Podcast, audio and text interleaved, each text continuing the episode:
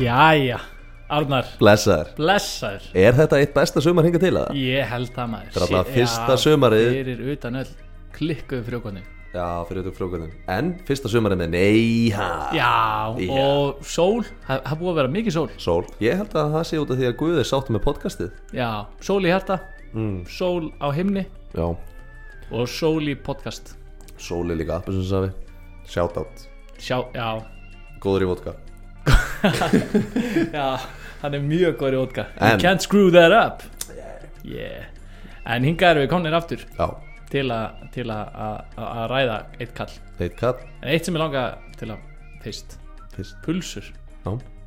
Er- Eh, þú veist, það er útrúlega að fyndi þegar fólk hefur svona mikið preference, þú veist, hvort að Tómas og sem farir undir á ofan þú veist, mm. þú veist breytið það einhver máli er mm, Nei þetta ekki bara því að mamma henn gaf þér alltaf pul, þú veist, Tómas og svo undir pulsuna eða þú veist, þið bara grow up, skilur, það Já. skiptir engum máli Nei Já En ég, ég, sorry, ég þurfti bara ég, Já Nei, ég menna sinnebið á að alltaf að vera upp á samkvæmt auðlýsingunni sko Sumir vilja vera eitthvað að geta mainstream En þú veist já, heldur þetta sé marketing tricks Marketing tricks Já en, Já nóg um pulsunar Nóðan pulsur uh, þessi þáttur er Robert Downey Jr. mm, mm, mm, mm. Það er maður sem ég fýla hann er nettingur en hann er, hann er, hann er hérna hann er uh, orðin slípaði demantur hann var einu svona óslípaði demantur sko. Já, það er búið að slípa hann eitthvað niður Ha- já, hann, hann slípaði sér sjálfur sko. Veitu, er ekki slípað demant betur en óslípað demant? jú, jú, það er sem ég er að segja sko. Á, já, Þú veist, já, hann, já, já. hann, var, Hann var nú betri. hann, hann var diamond in the rough Já, nú er hann aged like fine wine já, já hann hérna hann á helviti harða þortið en er í dag einn hæst launaðasti e, leikari í Hollywood og hann, hann, hann er eins og fuglinn Fönix rís upp úr öskunni mm. Öskur nú sinum ein sigaretreik já, og, og, og, og hérna, sigraði heiminn í hlutverki Tony Stark Já, og The Iron Man en kannski bara nóga intro ekki nema að þú viljir eh, koma með eitthvað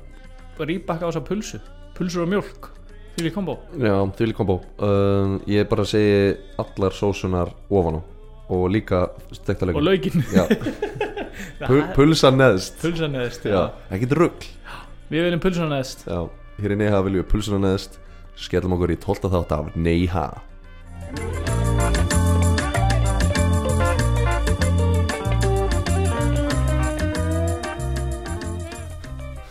talandi um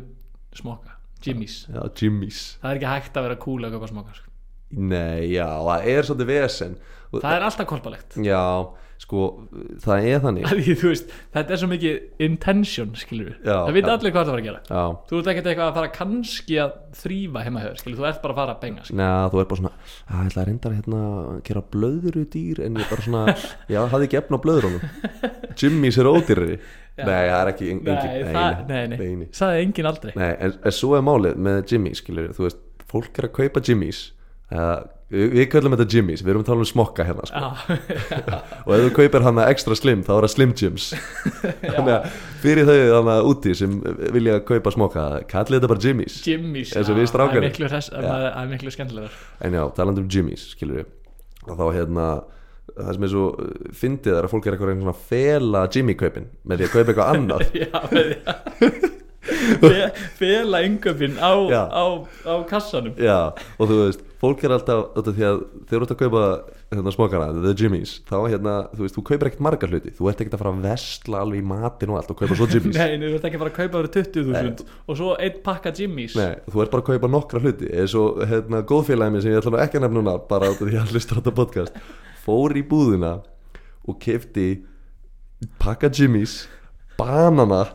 og Powerade Já, það er slæmt sko, það er eins og þú sétt að færa eitthvað marathon sko. Já, það er svo að setja fyrst að æfa þig að setja smokkin á bananan og svo ertu bara með Powerade og þú ætlar að vera í alla nótt Já, já, Þannig að, prótin bara og... já, ok, listið að því versta til þess að kaupa eh, með Jimmys Já, er hérna orkudryggur orkudrykkur protein bar sem Já. er svo sért að fara að fá það late snack út af því að búið er að ganga svo lengi í. Já, og svo er bananin, þú veist af öllum ávöxtum sem hann valdi þá valdi hann eini sem er svo skauð í lægin já, já En þú veist, samt líka, þú veist, svali Það það lítur ekki vel út eitt, nei. eitt svali og smokkapakki, það er bara slæmt sko. Það er slæmt sko Mér, ég, ég held að sko, ef við ætlum að búti lista því sem er best að kaupa pulsus Nei, ég myndi segja, ég myndi koma, ég ætla að koma með tricks Já. kaupir, kaupir hérna smokkabakkan og svo kaupir við hérna svona túrtapa og þá er þetta svona svo átt kærustu skilur þá er enginn að dæma Já. hann ætla bara að vera með kæru og eða þá bara svona, já, æ ég er með bar og svona bjóð upp á bæði eitthvað svona þannig Já, ég veit ekki Ég er ekki með, ef þið eru með lausnin á þessu endilega senda okkur DM á Instagram já, en þú veist, svo er líka geggju kombo, bara smokkapakki og betti krokkar, kökumix og það er bara svona, þá er einhvern veginn ekki fyrirsjálegt hvað Nei. þetta var að gera Nei. Já, það er nú, þú veist, já Betty Crocker, já, hún er heitt hún heit Svo heitt þú voru að köpa eitt pakka Jimmys með já, fyrir Já. að alla kvítið svo svona uh, já, Ok, nú tókum við þetta langt Við vorum að ná að dansa á línni gísli og, Já. og já, já, ég, Þetta er samt góð pæling hjá þér ég reyndi sér fyrir, já Já, þetta, Þetta er- þessi, Þetta, ma, þú veist, þetta er bara kolpalegt já, Jimmys Slim Jims Slim Jims Já Það er bara svona rétt árum við byrjum Já, er ekki gjössanlega tjúlað að premature ejaculation er hlut, þú veist, bara thing jú, út af því að þú veist, ímyndað er bara svona, from, ev, svona bara frá svona evolutionary standpoint það er samt eiginlega klikka að þú veist, andstæðan við premature ejaculation er mature ejaculation það er Já, hvað er mature ejaculation? Hvað, það er bara orðið nóg þroska til að koma út já, það gerist á elli heimilum, sko Það er mature ejaculation út af því að, já, já, ég meina að þú veist, ég, ok, bara svona s- áður en ég byrja á pælingunni þá var svona side note, þá var ég vist bara eitthvað elli heimili einhvers staðar á Íslandi, ég heyrði þetta einhvers staðar sem var bara með klamadífaraldur já, út af því að allt gamla fólki var bara getting down and dirty og engi jimmies já, af hverju, þú veist það, auðvitað auðvitað engi jimmies Nei, og auðvitað líka bara getting down and dirty Já, skilur, þú auðvitað. ert bara einhvern veginn að þú veist, við erum að tala um að fólk er bara með jóladatal hallega er að fara að hoppa í kistuna sko. já, þú veist, það er bara 24 dag skilur, og súkulega dag þú veist, já, þetta er svolítið darkjáður en auðvitað myndum maður bara negla já, þú veist. en ég er, ég er að segja það, er- það er sem ég er að segja, skilur Lóa líka á gangi 5 bara tss, búin að vera stuttum kjólum já, nei ok, ég tók þetta of langt en hérna, það er gott að við ekki já gott að við ekki en hérna, já sko pælingi með hérna premature ejaculation er hérna að þú veist, þetta er bara eitthvað hérna, ef ekki væri fyrir það, þá myndi triksi alltaf virka já, já en þú veist, ég er bara svona að hugsa þú veist, eh, bara ef við, horf, ef við myndum hugsa á tvö dýr, skilur, að væri hundur sem vildi annan hund og einn hundur sem myndi lappa upp að hinum hundur og hinn bara myndi jissa strax, skilur já, bara panika Já, bara, bara, ó, bara, þú veist, engin dý- börn á hann, skilur, mengar engar sens Nei. það er pyrrandi, já, já, og hinn hundurinn bara frekar fúllifir þessu, skilur og allir til í kvalpa já, en mér finnst þannig skemmtilegri pæling með mature ejaculation, það er eitthvað sem við þurfum að skoða frekar, sko, já, já, já það er eins og, já nei, vá, og ef þú ert á elli heimili og heitir Lóa, ég ætla bara fyrirfram að byggast afsökunar á þessu Já, gríni á þú hann, veist hver, hver, er- hvernig er að þú tala um- veist hver þú ert Nei, Shit, það er einhver, það, er hund, það er hundur í þér já, nei, nei, það er ekkert hundur í mér en við erum bara, það er svolítið dónaskapur í, í strákunum í dag dónabrandarar Já, ef, þurfum við að banna þennan þáttinn að átjóna það? Nei, nei. Er Robert- en við erum ekki að fara að segja orðið sem að við segjum ekki Nei, í nei. neina hvað sem er Nei, ég þannig meina- að þá þurfum við ekki að banna En Robert Downey, er hann bannaður að átjóna? Er það að fara að detta eitthvað hann í? Robert, Robert Downey er ekki bannar en Adjón sko. Ok hann hérna eða sko, jú, jú, hann er jú, jú, hann, jú, hann er bannar innan Adjón eða svona, Já. já, já Þú fóst í bara, nei, nei, jú, já, jú, hann er bannaður já, já, ég er einhvern veginn svona því ég fór að pæla betur í þessu þá er þetta eiginlega, jú, Já, jú, jú já, hann er bannaður. 19, með þess að Já, bannaður hann 19 segja. en hérna, En þú ætlar að samt að fjallum hann já, já, ég ætla, ég ætla, ég ætla að fjalla um hann sko. hann, Ok. hann, ég sko, ég fíla Robert Downey sko. Mm. ég, þú veist, ég er alveg með bara svona, þú veist, ég held að ég myndi alveg svona, ég myndi alveg svona þú veist, byrja að titra með fóturinn svona stress, tit, svona, eins og þegar maður verið svona stressaður, Já, þú heldur að svona, hann myndi gera þig starstruck já, já, ég er alveg starstruck, sko, Já, ég mér get- finnst hann alveg nettur, sko. Ég gæti alveg trú að ég myndi vera líka Út af því að þegar maður sér hann bara í viðtölum Bara svona, hans reyna confidence og karisma er bara hann er bara með bila karisma, sko, Það kemur bara í gegnum skjáin, sko já, já, já, og bara, þú veist og bara hvernig, hvernig bara eh, að því að nú er maður einhvern veginn búin að alast upp með þessum Marvel bíómyndum sko, þú veist, já og hann búin að vera svona centerpiece í þessu öllu saman sko. Já. Þetta, hann er einhvern veginn bara svona, þetta er svona þú veist, maður er svona nánast myndi svona einhvern veginn líðin sem maður ætti að segja hæfi hann sko. Já, ég sko, eh, ég hef ekki dottið jafn djúft í Marvel eh, hérna, heimin eins og margir sem ég þekki og þetta þetta er náttúrulega ekki myndi, ég er bara ekkert að setja henni út að ég bara datt ekki inn það heim fyrir mér er mitt uppáhaldslutverk það er hérna í Tropic Thunder þegar hann Tropic leik Thunder, Ástrálan sem var að leika svartaka já, I'm just the dude playing a dude playing another dude já og Elskan. á einum tímumúti var hann að leika Vietnamese farmer, þannig að þá var hann sko leikari að leika leikara að leika leikara að leika Vietnamese farmer svo mörg inception layers af, af leik að- að eiginlega það er trillt en hérna hann sko eins og ég sagði sko Mm. hann hérna hann er eiginlega svolítið búinn að fara til heljar og tilbaka sko Ok, þungur á ferðin sínum, nei nei hann er léttur í dag sko. Ok, ok, en hann er alveg búinn að he's seen some shit, shit, sko já og hérna e, og hann sneri við lífinu sínu 2003 Gott ár og það var bara rétt áður en hann landaði hluturkinu sínu sem Tony Stark í Iron Man mm, fram að því þá, þú veist, þá var hann búin að auðvitað leika fullt að hérna, hluturkumum í bímyndum og alls konar svoleiðis mm. en þá var hann bara í mjög miklu rugli sko. Mm. hann var bara í klikka mikil í eitthulega neyslu og Já. partying og öllu ruglinu Mikið fræðu fyrir kók neslu jú, jú, bara allt saman, Allt sko. saman, já. bara hann var í algjöru klikkuðu rugli sko. Ok, og hérna en svo ná, náðan að snúa við lífinu sínu hann 2003 og landa hluturkinu sem Tony Stark í Iron Man já, fyrstu myndinni Já. og í raun og veru fyrstu Marvel myndinni bara, já, bara kickstarti af Marvel universinu sko. já og fyrir það hlutverk sem Iron Man eða Hm. Tony Stark í Iron Man 1 Já. þá fekk hann 500.000 dollara Fyrir alla bíómynduna já, Það er mjög lítið er það ekki það er rosalega lítið sko. Já. það sko. eru 63 miljónir Já, já, shit maður, hvernig gat hann komist hjá? hvernig kannu að lifa þetta af Shit, ok, já en núna nýverið þá kom út svona eiginlega svona loka kaplin í Avengers Cinematic Universe Stage 2 eins og það kallast Endgame eða ekki sem er Avengers Endgame Já, og hann fekk 75 miljónir dollara eða 10 miljardar fyrir að leikið þeirri mynd og ég er bara eitthvað svona að taka það til vikinga lottóinu og ef ég fæ hæsta vinningi þá kannski 1 miljard já, þú, þú, Robert vilt, Downey bara LÖL þú bara vilt ekki fara á þjóðatíða þegar þú gæti mista 100 á skalli í vinnutekjum já, já. Takk fyrir að nutta mér upp á því að ég þarf að vinna á þjóti en já, briljant sko þú veist, bara, þú veist, þetta er þú veist, þetta er bara vinnu sem ég skilur Já, já, þú hann er bara byrjar í duglegur. 63 kúlum Já, ferði í 10 miljardar já, já bara, hann er, þú veist, hann er alveg bara búin að vinna fyrir þessu sko. Já, og einmitt, já, já, já, já, já Ég Hann er bara er orðlis duglegur, Ég er já. orðlis en, hérna, en eins og ég segja þá hérna uh, mér langar eiginlega svona að by- að byrja að rekja svolítið sko, Söguna sö- já, svona s- bad boy söguna sko. mm, það er svona, það er fyrsta sagan sko. Gellur elskar Bad Boys Gæl, já, já stráka með tattoo Já, og Ég- sígarettur við höldum það allavega Já, sko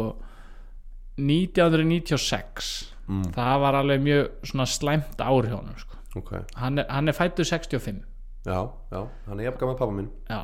Alltaf að skjóta þín hann er n- sko milli, milli sko 80s og 90s þá var hann, byrjar að nota alls konar hörði eitilif sko mm. og hérna, og þarna árið 96 Já, við, við erum að tala um það sko kannski til, a, til að spóla hans fyrir sko, þú veist, hann, hann elst upp í kvikmyndabransa pappans var leikstjóri og mammans var leikona og mammans var alltaf að leika í bíómyndum hjá pappans og þau eru svona að alast upp á, á svona þessu hippa tímabili og hann var einhvern veginn alltaf bara umgrindur eitulif skilur já, já, já. og hérna e, þannig að, hérna, að þetta var ekkert engin nýlunda fyrir honum og hann 96 að það, það var einstaklega slæmt ár hjá honum og þá er hann komin í alls konar hörð eitulif sko og, og hann 96 að þá komu sko Sean Penn og Dennis Quaid leikarar Mm. sem voru sko gamlir skólafélagar Robert Downey Jr. Mm. á samt Charlie Sheen Wow,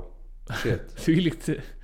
Var þetta skóli hérna bara How to take drugs já, já, þetta voru bara alvöru og, og sko Robert Downey Jr. og Charlie Sheen voru vist nördarnir í hómnum sko, á þeim tíma sko, þegar þeir voru krakkar sko. En þeir, tóku bara eitt gram að kókaini já, tóku bara eitt sko. Já, ok, ok og hérna, þeir voru hérna búin að heyra bara merga sögur um að hann væri búin að vera í algjörurugli sko. þeir fóru bara heim til hans og sótt hann bara í morgun og hann bara eitthvað döður upp í rúmi heldu á hann niður og keirðu hann í engaflugul og senda hann í rehab center í Tucson Arizona og þremur dögum setna þá braust hann út úr hérna, þú veist, við erum að tala um að þú veist, þessi rehab center skilur þau er eiginlega bara eins og Fangilsi. fangilsi, sko, eða svona nána sko, þú veist, þú mátt ekki fara, þú veist, þeir eru alveg haldið sóper, sko og þreymundu og setna, þá brýst hann hann út og ringir í bókaran sinn og þarna á þessum tíma, þú veist, þá er hann, hann á fullt af peningum, Já, sko, já, þú hann veist, var að og- leika, er það ekki? jú, jú, Já, bara já, að leika og þú- hann var bara, hann var það sem kallað svona aktífur fíkil, sko Já, einmitt og hérna, ringir í bókaran segir hann að kaupa flugmeða til LA og í öllu fluginu var hann bara keir í sig allan tíman, sko, Já, já, Þannig að hann búin að vera etru í þrjá daga, sko, hann var að bilast, sko já, og hérna stuttu eftir þetta, bara viku sinna þá var hann stoppaður á Sunset Boulevard í, í hérna Los Angeles Já. að keira sportbíl undir áhrifum eitulega nakin og sagðist vera að henda rottum út í bílnum skilur, löggan stoppar hann að því hann er bara að gera eitthvað þú veist, og hann bara alveg rugglar bara eitulegum og bara var nakin og bara löggan bara eitthvað, hvað er þetta að gera hann bara, já, ég er að bara henda öllum rottunum út í bílnum það var hann bara með eitthvað beilaðar offsjónir skilur, bara fa- fannst þér svo bílinn væri fullar af rottum já, shit, ég, ég bara ég náði ekki alveg þessu ofsjónandami fyrst Ég bara, er fólk gjössalega ruggla, þú veist Fólk eitthvað, þú veist þessu Ossi, fóð með hákallinn, skilur Ég bara, er Dání bara að hringi rottugæðan og fá það bara og bomba þeim út um gluggan En ok, gott að það voru ofsjónir Já, þetta voru ofsjónir, skilur Ok, okay, já. Mm. og löggan var bara, hvað er þetta að gera, skilur hann bara, ég er að henda allir róttunum út en ótrúlega þann satt að þá er eins og þú sagðir er hann með svo brjála karisma að hann bara tala þessi út úr þessu það er bara, já, já, ég er bara að grínast og hann vek ekki sagt einu sinni, sko. Já, shit löggan bara, já, heyrðu ekki aftur, sko Já Ekki vera aftur á svo miklu meitulegum og þú heldur og sért að kasta rottum út um bílum og þú þetta áskinja svona mikið sorry officer Já. hann bara, já, Won't happen again strike one Ok og hérna en svo setna þetta saman ár þá var hann sko þá var hann teginn fastur þá var hann að rúnta á Highway 1 og hann var með fullan bíla á heroinni og kókaini og með hérna 375 Magnum skambissu bara í framsætinu mm. og þá var hann þá gæti hann, hann gæti ekki tala sig út úr því sko Nei hann var þarna samtalið með star power sko. Strike two strike 2 sko Já, fool me once, shame on me sko Já fool me twice The fool don't get fooled again já, já. og hérna og þarna var hann charged sko. Já, já hann var hann sakfældur og, hérna, og þá hefði nú haldið að hann hefði róið sæðis niður en þremu vikum sinna eftir þetta þá var hann alveg út úr því sko. bara uppdópaður skilur hann bara verið á ykkur trippi Derri byssa, meiri til og hérna og bara og hann bara ráfa þú veist bara kemur inn bara eitthvað heima á sér hann held fer inn í herbyggi bara klæði sig úr bara er bara nærbjörnum skilur kula sig bara upp í rúm og sopnar Já. hann svaf ekki mjög lengi af því að hann vaknaði við það að það var bara verið að setja hann í játn þá hafði hann sko farið inn heima hjá nágrann og inn í herbyggi hjá litla stráknu sem átti heima þar. hann var 11 ára gammal strákur og hann fór í badnarúmi sem sagt Sopn, og dóð þar sko, sopnaði þar That's some creepy shit en það var engin heima í húsinu nema bara fjölskylda var í eitthvað leikusi kemur heim svo bara krakkin að fara að hátta þá var Robert Downey Jr. í rúminu á nærjanum Já. alveg bara hellaður, skilur, stenduður Já og hérna og Það hljómaði svona aldrei eins og pot- plat- plotti fyrir Batman, þú veist, eitthvað svona fóröldræðin leikhúsi, krakki með og svo einhver illaður gæi bara var að drepa þig Svo var það bara Robert Downey Jr. já, já, bara friendly neighborhood Iron Man sko Já, nákvæmlega, ok shit. og hérna uh, og eftir þetta þá hérna, þá var hann skráður að fara í rehab sko. þetta þarna fannst þarna fannst dómaranum og lökunni komið og þetta væri komið á langt Já, og hann var sendur rehab á hérna á uh, bara hérna í Los Angeles sko ok, ok og hann var að segja bara við lögguna í bílnum bara allan tíma hann bara ég er sko að fara að sleppa út sko bara Já. strax, Já. Eitthvað, ég er að fara að brjótast út sko löggan bara já já já það er fjórunduðu senna þá brýst okkar maður já, út úr rehab með því að klifra í gegnum þröngan baðherbyggisgluga og húkaði sér far til Malibu þar sem að félagan sátti heima Hmm. en löggan fann hann nokkrum klukkutífum setna og þá var hann loksins sendur í steinin já, fór í steinin maður Já. og Robert Downey Jr. hann fór sko einu sinni í jailið sko já, já, svo fór hann líka bara í prison prison, já, það er þungt sko, það er miklu þyngra en jailið já, já, það er, við erum að tala um að það er, þú veist, bara prison break skilur, já, það er allir nöttararnir sko. já, allir sköllóttir með það, tattoo það renta hann í alls konar fókin rugli sko. mm, og, og sagði í viðtali frá í ópru, hann kom í ópra sem sagt, mm, meðan hann var í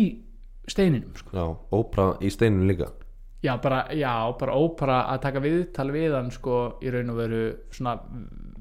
þú veist, krúið þegar hann eða þú veist, þetta er bara svona, eins og svona feature eins og var oft í 60 mínútum eða eitthvað slis já, og hann bara segja, bara, já, bara lífið í fangilsinu er bara ekki joke, skilur, þú veist hann, bara, hann sagði, ég held að þetta væri bara svona, þú veist, eitthvað allir léttir, það eitthvað er Ah, góð svona stemning bara Nei, nei, bara, hann sagði bara, hann bara, bara every minute bara þurfti bara að berjast fyrir að geta staðið eitthvað staðar, sko. já, og, og hann sagði f- frá því þar að hann myndi aldrei segja frá því versta sem hann lendi í steinum, sko.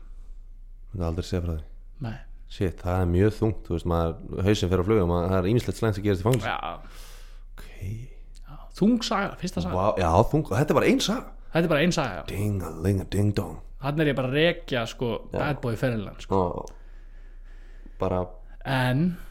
boys don't cry, man. já, boys don't cry, sko, Shit. það er nú bara þannig. fuck, að þú veist, það er endur ekki bóðskapu sem við erum að peppa hérna, sko, en Nei, þetta er svolítið þannig saga, sko. Já, já, það- Hann vill já, ekki já. tala um þetta og... Já, já, já, en hérna, Mm. en þetta var svona, þetta var svona aðeins til að setja uh, tónin, sko. Já, shit, maður, þetta er þungt, en skemmtilegt. en, en, en þá kemur nefnilega önnur saga sem er svolítið svona skemmtileg sko. hún gerist aðeins fyrr hún gerist svona snemma á nýjunda áratugnum Já, þá var hérna þá voru Robert Downey Jr. og Sarah Jessica Parker úr já, Sex and the City sex and the city. þau voru kærustupar Já, ok. bara í 7-8 ára eða eitthvað Það var eitthvað mím sem startaði að henni var alltaf líkt við hest, en það er bara, fun fact. já, það er fín fun fact Já Ok en hérna þá, Robert og hesturinn já, já nei, þetta er ljótt alveg. Ég bara, ég, Þetta er bara mím, ég ekki kenna mér um sko, interneti bjóðu til já, já, En ég ætla að segja að kalla hann bara Sarah Sarah já. Ok, sorry, shame on me já, þe- þetta var já. allavega þá var hérna, þeim var bóðið í grillveislu í, í hérna í ACL, ACLU í Suður Kaliforni Ok sem er hérna einhver svona háskóli mm. og hann mætir hérna bara alveg eins og nýprentaður 50 skall Mm. Ferskur í, já, í svona kremuðum jakkafötum bara svona tailored jakkafötum svaka töffari og þarna var bara fullt af fólki, alls konar fólki og ostar og vín og, og bara eitthvað svona stemmari skilur, þú veist bara eitthvað svona bóð og allir eitthvað rosa fínir og eitthvað Mm. Já. og þarna í grillveslinu það eh, verið að heið, eða, sem sagt, í þessari veislu er verið eitthvað svona heiðurranir eins og er ofta á eitthvað svona university get together eitthvað svona og hann er verið að heiðura gamlan mann úr Vietnamstríðinu Já. svona vettran og hann endaði í hjólastóli eftir stríðið hann að, að hérna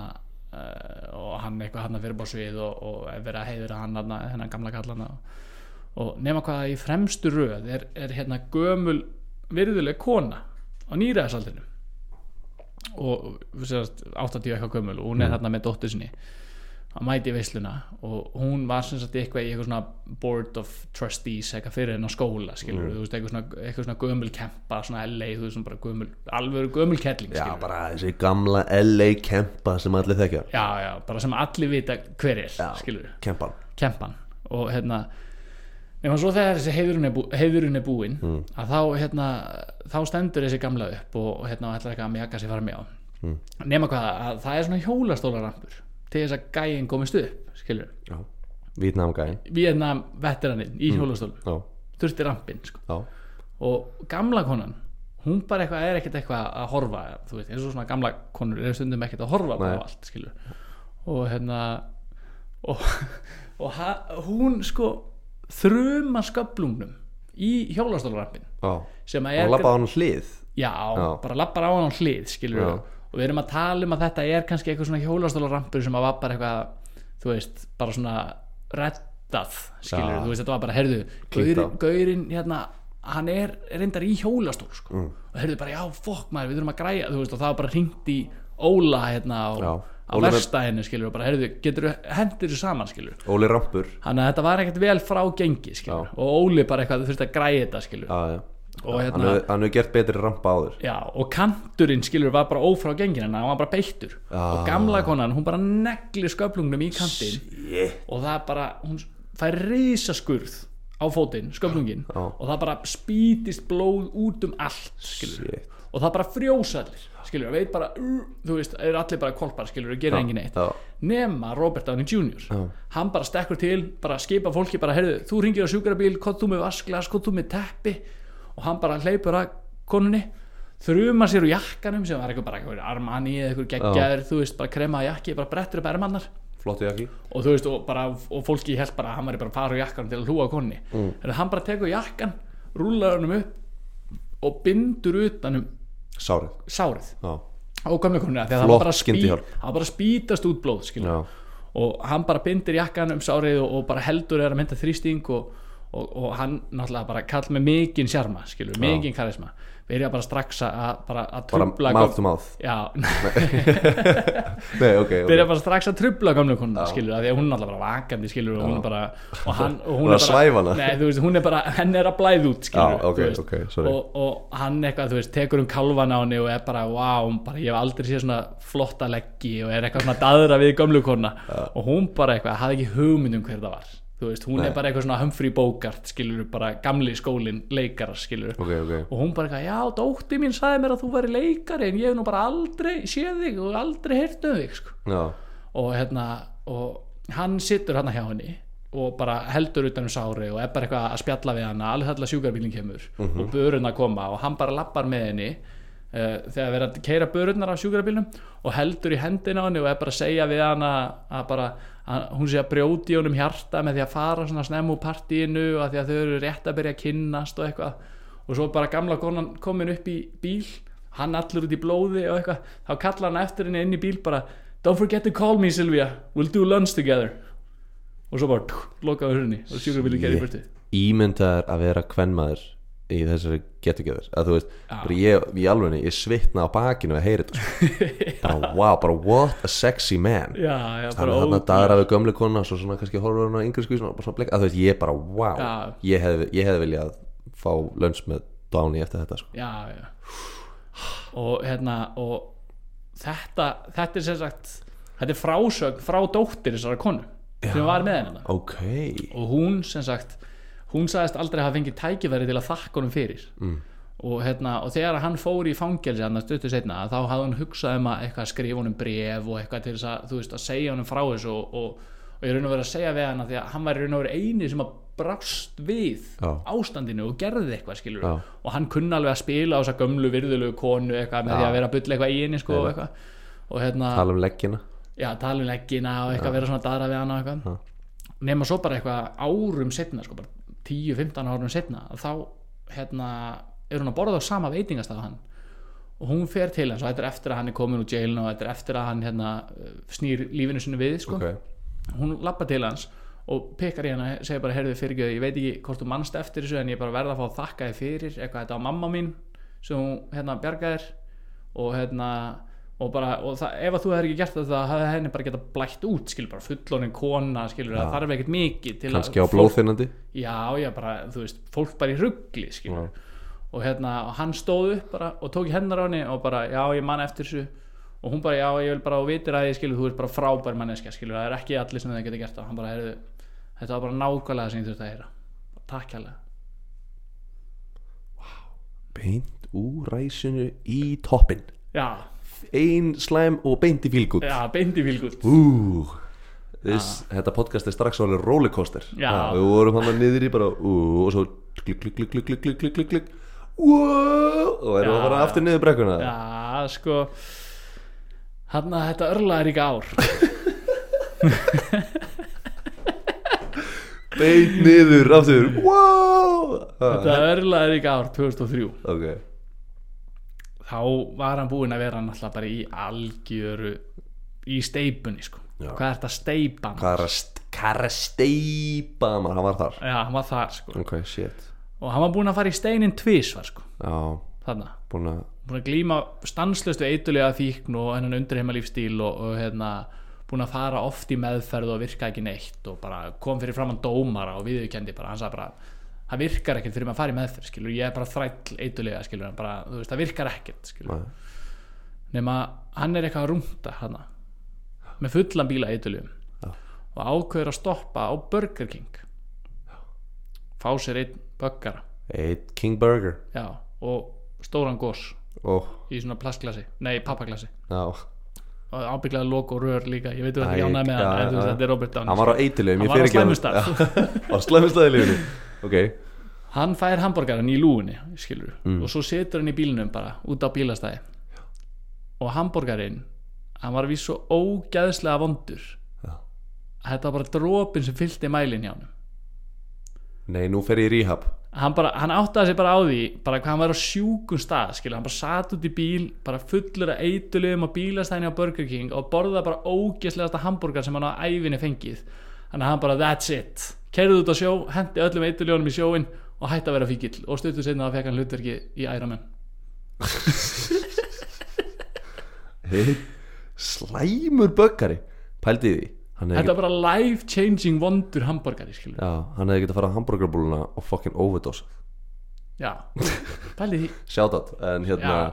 Já, það er trillt maður Ég einhvern veginn held alltaf að konan hans hefði dreigið hann úr eitilegum sko, en, Nei, ha- hann segir sko að það sé hún sem að viðhaldunum að byrja ekki aftur sko Já, en, en þetta var bara momentið þar sem hann bara áttaði sig á því að hann væri bara í rock bottom skilur, hann bara, þú veist, hvað er ég að gera skilur, shit, pældi í þessi starfsmann hana sem var potið búin að eiga svo erfanda kannski þunnur í vinnunni eða eitthvað sem steiktið hann hann sökkaða borgara þú veist, hann var hérna en honum Nei, að þakka að hann vek einn- 10 miljardar fyrir Já. Iron Man pældi, í, fyrir Robert Downey Jr. þá var þetta bara not the hero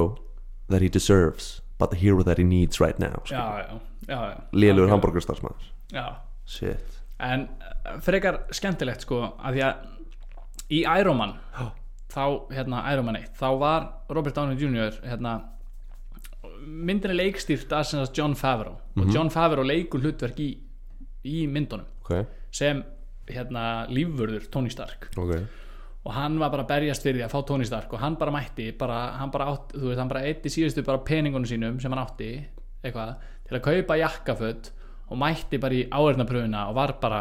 rókafullur gaur, skilur Já. bara Tony Stark, bara basically Robert Downey Jr. sko, Já, þú veist, einmitt. bara allt er í góðið hans og hann fekk hann uh, hluturkið, nema það sem var ótrúlegt var að hann var alltaf að rýræta handritið, sko -hmm og hérna, og oft var bara, þú veist, tökudagar skilur, það sem að hann, hérna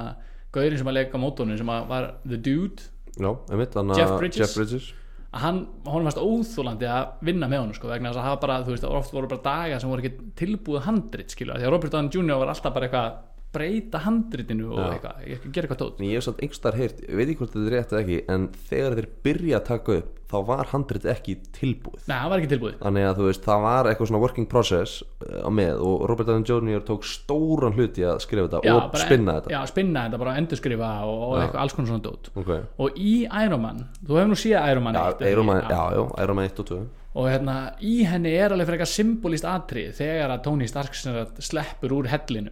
já, hérna í Afganistan eða hvað sem hann var hérna já, kemur aftur til bandaríkjana og bara fólki er bara eitthvað gett þegar þá hann og hann var búinn að vera í svona armstíl eða að selja vopn og eitthvað bla bla bla já, þá kemur hann til bandaríkjana og fyrsta sem hann gerir er að halda press conference en áður en hann heldur press conference þá vil hann fara á Burger King og fá hambúrgara hann fer á Burger King og fær hambúrgaran og svo í press conference þá tilkynir hann senast það að, að Stark Industries sé hætt í vopnaframlýslu og hann og þeir ætli bara að vera í góðgjörastörum eftir það, eftir að hann upplýði í raun og veru hvað Stark Industries væri slæmt fyrirtæki skilur já, og fyrir honum þá er þetta svona symbolísk saga hans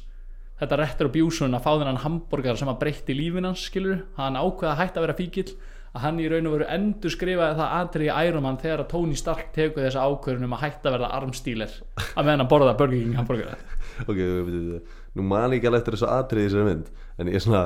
þú veist hvað gerir hann, hann bara tekur eitt bita bara, og bara öðru ömulega borgar og slammar hann Nei, nei, nei, það, það tengist ekkert hvað borgarinn er vondur skilur, heldur er það bara það að hann kemur eitthvað til bandaríkjana og er búin að vera að fangi eitthvað í Afganistan Já. í þrjá mánuði Vill fara eitthvað beint á og hann bara, King. heyrðu, ég verð að fá hambúrgara skilur, þú Já, veist, fer á bara mér langar Burger fólki mikið hambúrgara, hann bara búin að borða hrísgrjóna eitthvað Já, og, og síðan bara eitthvað er þetta press conference í myndinu, þetta er ekkert eitthvað mikilvægt atrið þannig séð, Nei. en ég, þetta var svona alveg bara frekar cool pæling að þetta á eitthvað að endurspegla hans, að því að þú veist, þetta er svolítið svona svipuð saga, Já, eitthvað, þetta svona er svolítið- retribution sko. það er svolítið cool sko og svona, en á sama tíma núna þegar ég horfa á þessa mynd og mun taka eftir þessu þá mun ég vera bara eitthvað er Robert Downey Jr. að halda á bara einum Big Mac eða þú veist, Já. einum, einum King Burger, hvað heita þeir, eru- þeir eru ekkert meðvitaðir. Whopper. Whooper, já. já þeir skýtu þar, Whooper ekki að catchy á Big Mac Nei, en alltaf hún já en hérna, já sko, nú, nú hefur við oft talað um hérna, það að vera kolpur sko, í já, þessu podcasti já, bara núna áðan já, já, og, og það er alveg það er alveg hérna þú veist bara valid point skilur að vera kolpur, bara lítill í sér skilur já en, kolpar eru samt, þú veist, þetta er svona svolítið fyndið og þetta er bara svona allavega í okkar lingói að vera kolpur þýðir bara að vera lítill í sér eða maður svona já, bara eiru niðri og, ég held að þetta komi frá því að vera með þú veist svona kolpa augu svona að vera svona sad skilur við eitthvað svona, ó, að vera kolpur en að vera kolpur er er good shit Já, áhyggjulegs, bara gellur elska kolpa og, og, og þú veist, vilja klappa og, já, en stundum líka ertu hrættur, þú er ekki að fóra út í rigningu til já, þess, og hrættu eldingu og já, já en þú veist svo líka að vera kvolpur með geggja mömmu og- sem er, sem sér um þig og Já. eitthvað svona, veit ekki. en já, ok já, Já. En, en sko, fyrsta hlutverk Robert Downey Jr. var einmitt að vera kvolpur sko. hann leik kvolp í kvikmynd föður síns sem heiti Pound en hún fjallar sem sagt um hunda sem að voru svona impound en það voru allt menn skilur ok, betur, wow, wow, wow leik Robert Downey Jr. í mynd þar sem að voru fullt af mönnum í einhverju svona búrdæmi og hún hétt Pound Pound, já Er þú ekki að sjá sömu parallel og ég hérna? hann, var- hann, var, hann var fimm ára gamall Ok, ég ætla að stoppa með þessu pælingu bara þar þá já, já, hann var fimm, hann var fimm ára gammal skilur, og þetta er bara svona eins og svona hunda svona impound skilur, sem að fyllt af hundum í svona búri þú veist, og, Ok, eitthvað. ok. og hann er bara eitthvað veittur upp á göttunni skilur, bara fimm ára Robert Downey Jr. skilur, það leiki mynd föðu síns sem að heiti Pound Já, og,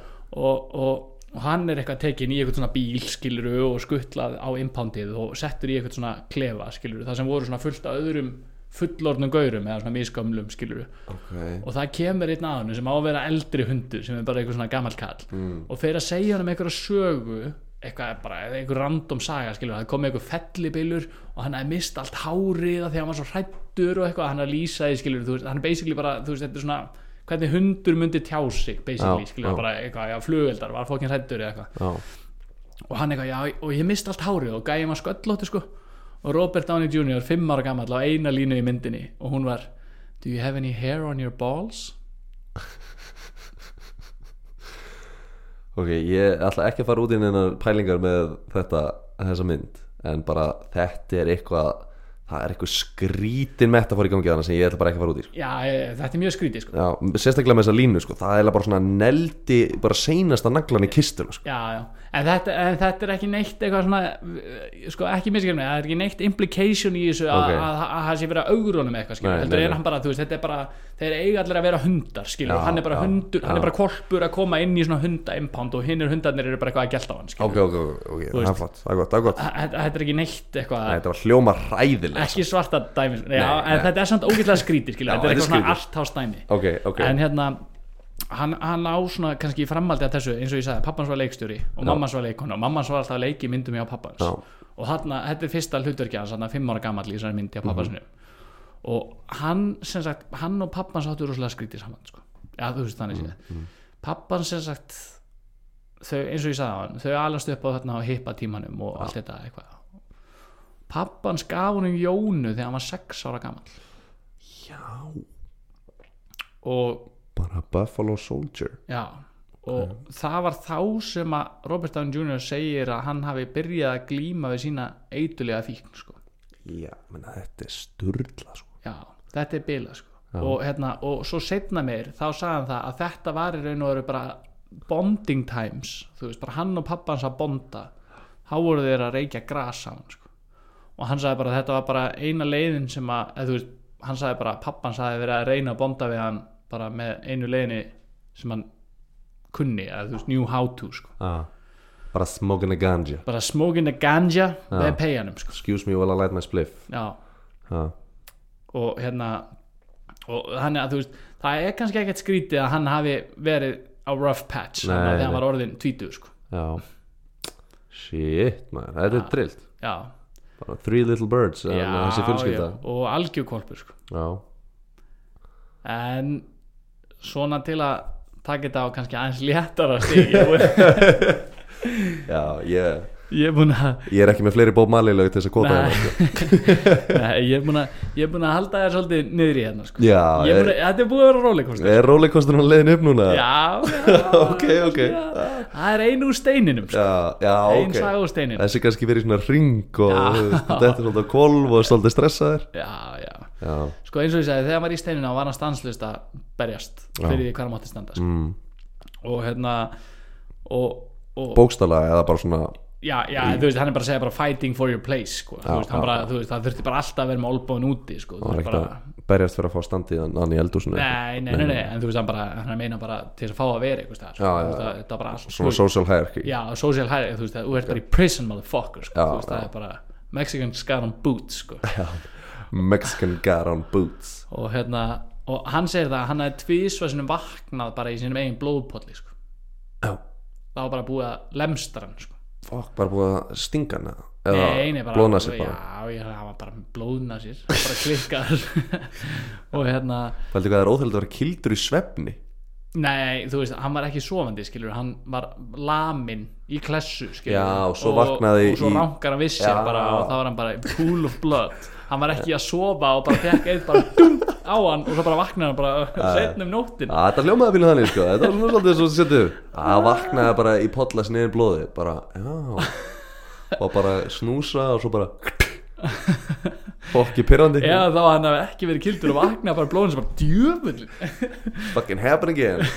Ok Gerð tvisar í fangilsinu Hann var að berjast fyrir sínum stað hann Já, já, og, hérna, og það var eftir þetta setna skipti sem hann vaknaði í sínum eigin blóðfulli það sem að hann ákvað að taka, þú veist, hann þurfti bara að gera eitthvað, sko Já, ef hann ætlaði ekki bara að deyja í fangilsinu, sko já, já og a- að því að hann var frægur sko, þá var hann líka target sko. Já Þú veist, menn voru ekkert, að- hann fekk ekkert afslátt sko. Nei, það er svolítið svona stemninga kýla prittibóin sem er í sjómarpinu já, já, fræga gaurinn sem á peninga og eitthvað svona kjaftaði sko. Emmitt, hefur haft það þægilegt já, og eins og, eins og í Prison Break mm. Þú veist, Prison Break er eiginlega bara raunveruleika þáttur. Já, það er bara heimildamindum Robert Downey Jr. Var hann búin að snúða sig? eða? hann var allur út í tattum Ok, það sem sagt voru svona klíkur í fangilinu Mm. bara eins og, er, er, eins og rúmur sinni eru skilur og eins og þetta bara er þú ert með svona, eh, svona white supremacy nazi-grúpuna já, Svo ertu með svona gangstarappana, svona svartahópin Já. Svo ertu með hérna Mexican Mexicanana. Garan Boots já, já, Já, Mexicanana í stífulunum já, já. og svo bara auðmíkja Svo bara yfingjar Já. Ok, og Robert Downey Jr. hann var auðmíki sko. já, þarna sko. hann var ekki, í einhverju, hann var ekki kallinn sko. nei og hérna uh, En það gæti hann í raun bara valið að vera með nazistunum Eða þú veist, Já. þeir hefðu ekki hleyft honum inn hinn nei, nei, nei, nei, það var einmitt klíkan sem að leta hann ekki í friði sko. Það- Nasistarnir? já, ja, það var sem sagt eitthvað, eitthvað gang sem hétt LA Brat Pack Shit og, og þeir voru sérstaklega erfir og, og þar var eitt svona einhver stór skinhead gaur sem að var eitthvað svona fóringin eða eitthvað, þú veist, aðalgæin sem að var trilltastur svona Mm. Já. og hérna Robert Downey Jr. hann var að vinna sko í matsalnum í fangilsinu skilur að skrúpa einhverjar pizzapönnur eitthvað fyrir 7 cent á klukkutíman eitthvað kjátaði skilur Grúpa, Mm. já og hann var alveg bara búin að hérna, og var náttúrulega að bera út fangamandinn eða sérst, hérna, þú veist Mm. setja í hérna, dótið 7 cent á klukktíman upp í 10 miljóða Já, What a comeback story what a comeback sko Ok, Rise of the Phoenix og hérna og hann var sem sagt búinn að orkistrita eitthvað plan af því að hann var líka, þú veist, eitthvað að setja þú veist, við erum að tala um þetta með ausuna að negla Já. drullunni á bakkan og eitthvað Já. svona og hann var sem sagt búinn að plana það hann ætla að setja glerbrot í eitthvað svona stjú hjá þessum gæja sem að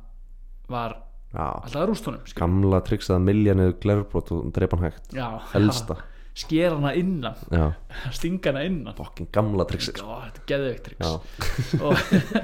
fokkin dark maður já, og, og hann var búinn að segja einhverjum gaurum frá því skilur, einhverjum selmeit eitthvað, já ég, ætla, ég er að bæla að gera þetta og eitthvað svona nema hvað að- þú veist, eitthvað rétt áður þú veist, hann var ekki búinn að gera þetta og þetta var ekki dagur sem hann ætla að gera þetta nema bara eitthvað svona rétt áður en hann var búinn að plana að gera þetta að það fáir gaurinn bara eitthvað bráðaðunami, skilur bara eitthvað netónami eða eitthvað drast, Svo skilur vorum að tala um áðan en svo vorum að tala um áðan ah, Shit, stærsti gurinn í fangilsinu er bara ein neta já, já, Ok, en þú veist það var ekki, tek- það var bara, það var sagt bara allergies, skilur, Já, það var ekki já, sagt eitthvað hvað og hérna og hann er bara eitthvað að, þú veist, eitthvað kapnaðan í matselnum og það verður bara eitthvað fótur og fytt og þú veist, þú verður bara bólgin rauður og næri ekki andanum og eitthvað, þetta var bara svona eitthvað mega attack, skilur, þú veist og honum er bara að rössa á hana infirmary eða, eða semst hana sjúkra stóna eitthvað ah, nema Robert Downey Jr. hann sá þarna leika bræði sko. fór til gaurana og var bara ef látum ekki friðið hann fer fyrir ykkur eins og fór fyrir honum hann að þeir urðu bara allir fókin stressaði skilur og svo voru gaurarnir þú veist sem hann var búin eitthvað að segja hann ætla að gera eitthvað í matinn að þeir leta kvissast út bara heyrðu Robert Downey Jr. hann bara eitraði fyrir gaurnum skilur ah, þannig að, að hérna, hann var látin í friði eftir þetta ah. og svo stuttu senna Fokkar ekki matni með okkur sko. fokkar ekki í matnum sko Nei. Af því að þú veist, það er ekki eins og þú bara ef þú ert ekki sáttu með stjúið sko, þá ferðu bara á söpbaran sko. Það er ekkert Gamla, svoleiðis, sko. góða You don't shit where you eat Nei, nákvæmlega sko. Já, og hérna, hann var látin í friði eftir þetta ah, styrla og svo bara stundu setna var hann hérna, fluttur á einhverja aðra deild sem hann var eitthvað svona minna crazy Já. Færri skinheads Herru, styrluð saga Pappi minn Lendi bara í þessari sög Já, ég er bara ekki var í jailinu og Nei, nei, ok, hann var ekki í jailinu, hann var hérna bara í hafnafyrinum sem hljómar minna intens, skilur hann var með fyrirtæki og, og baku fyrirtæki var eitthvað svona íslenskt, eitthvað svona gengi sem hann bara, þú veist, eh, flytja dobo eitthvað og, og voru með eitthvað svona chop shop eitthvað Já. og voru að choppa sundu bíla en það var bara eitthvað svona og lík og bara Næ, þú veist, ég veit ekki með það en það var allavega, þú veist, það- sá business var bara front fyrir eitthvað eiturlífa dæmi, sko. og þegar þeir voru þannig búin að lifja sér svolítið duglega, skilur bak við fyrirtæki pappa og pappi á þessum tíma var bara working late night, skilur, bara langt fram á nótt og eitthvað, því hann var að byggja upp fyrirtæki sitt og eitthvað Uh, og hann alltaf gæti ekkert kvart á þetta því að þú veist, það má alveg vera með læti á yðnarsöðum skilur en þeir voru svona ofta að koma á fokka í hinu fyrirtækinum og tóku- verðum eitthvað leiti Já og þú veist og það myndaði svona pínu bíf og mellir pappa og þeirra út af því að þeir voru alltaf að setja alltaf þessar bíla sem þeir voru að choppa upp fyrir fram að neyðarútganginu pappa skilju þannig að það kviknaði í þá bara var neyðarútganginu bara lokaða bara bílar þar skilju þannig að pappi kom einhvern veginn og hann bara svona að segja þeim skilur bara herru stráka þið verið að taka þessu bíla og þeir bara náttúrulega verandi eitthvað svona rugglega Einhver glæbunar og bara "Eh, já, eh," eitthvað svona "Eh, bara drullaður skilur um, þannig að pappi kom bara einhvern tímann á liftara og bara lifti bara öllum bílunum í burtu og bara var með steiputrykk og bara steifti bara göng bara skilur að þú veist bara svona stóran vegg sem leiti bara kringum alla bygginguna til þess að það var ekki lengur hægt skilur Já. það hérna- gæti ekki sett bílana fyrir Nei, þannig að, og þeir urðu brjálar og þá var bara pappi og bara svona target bara svona svo litli krakkar, bara gamla konan í hverfinu, þeir eru alltaf bara alltaf að dingla á þá hörðu skilur já, já. þannig að þeir voru svona að byrja með eitthvað svaka bíf og eitthvað og þetta endaði alveg í svona mörgum sögum sem hefði alveg verið fyndið að segja sko. en, en hérna það enda, þú veist, og þetta var svona orðið þeir voru svona búin að, hó- þú veist, ég frétta þessu löngu setna þeir voru víst bara að hóta fjölskyldinu og eitthvað Já, bara læti og pappi svaraði því bara með því að bara eða snerti fjölskyldinu mína, þá bara drepi ég ykkur bara fer en simpul, skilju, þá bara drepi ég ykkur og bara, þú veist, og svaraði bara með þessar mynd sko. og, og hérna, og svo endaði einn gaurinn á því að deyja það kjartafall í, í world class vondikallin eða vongallin og pabbi fréttaði áður en að fór í fréttamælina einhvern veginn, bara í gegnum eitthvað svona mutual friends í world class eða eitthvað, þetta var hann í world class í hafnafyrinu þess að þeir voru alltaf í rektinni já, og hann bara svona fréttaði þessu og hann fó bara, sagði bara "Eh, látið mig í friði og fjölskyldum í friði og kannski eitthvað annað sem hendi í saman ég er ekki neitt að fokka sko hann sagði mér þetta, já hann bara svingað inn já, bara, þú veist, hann bara, tók á sig já, bara sagði bara svona þú veist, að nú er eittur Bara the implication, það var nóg. it was the implication sko. Nei, bara, þetta er bara svona sjóðan, þetta er bara fyndið yeah. ég veit ekki hvort að þessi saga sé bara inn sko en bara, Nei, þetta er trillt saga þetta er bara, al- ég er bara ekki að djókið þið neitt sko. þetta er bara, þetta er bara 100% sann saga sko það er bara svo trillt að þú hefur sagt þessa sögu og ég var bara að fá bara flashback skilur þannig já, What? en hérna Þetta er fokkin trillt að, já, þetta er tjúli saga en þú, þú er búin að vera að hendi í tjúla þessu Já, já, já Já, sorry að tröfla þig sko já nei, nei, nei, ekkert mála Það er bara, þetta er ótrúlegt sko En þetta er náttúrulega mjög gamalt triks já, elsta Já, Davíð og Gólia triksið sko já, Þetta já, er svolítið þannig sko. já, þetta er svolítið þannig en hérna hann, hann, þú veist, eins og ég segja hann er bara búin að vera svolítið svona fram og aftur og hérna 90, 90, 97 það var hann að, þú veist, þá var hann búin að vera í algjöru rugli, sko Já, 96 var hann eitthvað low point Já, ní- 96 var hérna, þá fór hann í steinin sko, og var í eitthvað þrjá mánuði og síðan fer hann held ég í sko, prison 98 eða 9 sko. Shit og var... var í, á- hann var alveg í ár í prison sko. bara federal, federal prison Shit og hérna og ég held, að, ég held að hann hafi kannski verið í nýju mánuði í fangisinu og svo paról þrjá mánuði eða var eitthvað svo leið sko. Fucking dangus já, klikka sko. Það er, það er langur tími í- já, í steininum sko, já, já, Sérstaklega bandaríska steinin sko. já, já. Þú veist, íslenski Alveg ruglað, steinin er ekkert eitthvað hótel sko En, en bandaríski steinin er bara, bara helvita að Ah, jörðu En svo maður hefur svona séð þetta fyrir sér já, já. og hérna, það var hann 97 Mm. ég meina eins og ég segja, hann, hann, var, hann var aktiv í ruglinu sko. Já, já þú veist, hann var bara, þú veist, hann var að leiki hinnum á þessum bíómyndum og hann var að leika hérna, í Alli McBeal Já, sem voru hann að einhverju líkal þættir hérna, það er eitthvað stórmynd þar sem hann og DiCaprio heldur leika saman já, Nei, sem fjallar einmitt um eitulif já Þannig já, marga það- góða myndir það er einmitt mynd sem að hérna heitir sko uh, One Night Stand mm. sem að hann var, hann var búðin í áhernabröfu uh, í þessa bíómynd sem heitir One Night Stand og þar átti hann að leika sko eitthvað svona bróðir eða mág eða eitthvað, þetta fjallar um eitthvað fólk sem á eitthvað One Night Stand eitthvað og hann er þessi mágur eða hann sko Já, er eitthvað eitulega fíkil sko þannig að það verður að viðkennast þetta er typecasting sko já, já á þessum tíma sko, þú veist það er illa vegið að hann sko Já, já, nema hvað að hann átt að mæta á eitthvað svona fund sko, á eitthvað veitingastæði í Hollywood hann mætir tveimur klukkutímum og seint berfættur og með hlaðuna haglabissu veitu, wow, hvar sagður þess að fyndu væri? bara á veitingastað eitthvað staðar í Hollywood sko. Ok. þú, veist, hann, er- að- þú veist, við erum bara að tala um skilur bara, er það til að koma og hitta okkur hérna og spjalla eins, hvort þú viljið koma í áverðnapröfu eða þú veist, eða eitthvað svona tala um áverðnapröfun eða eitthvað hann mætir á fundin, tveimur tíma og seint berfættur og með hlaðan haglabissu og þeir voru bara eitthvað að spyrja hann bara hvað, akkur er þetta með þessa haglabissu og hann bara, ég, ég get bara ekki ég veit það ekki, skilur, ég get ekki útskýrt af hverju og þeir bara gáðan hluturkið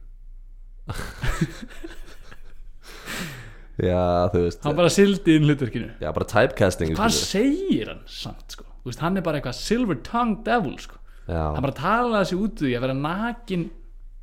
nei, og og undir ber, eiturlegum skilur hann ekki verið berfættur jú, jú, en ég er að tala um, hann talaði sig út úr Já, því að vera talaði sig út úr nakin því. að rúmt undir áhrifum eiturlega bara shame me once Já Shame me once, fool on you já, fool me er, once já, er sem maður segir og svo mætir hann hann bara með hlaðina haglabissu á eitthvað castingfund og hann er bara ráðinn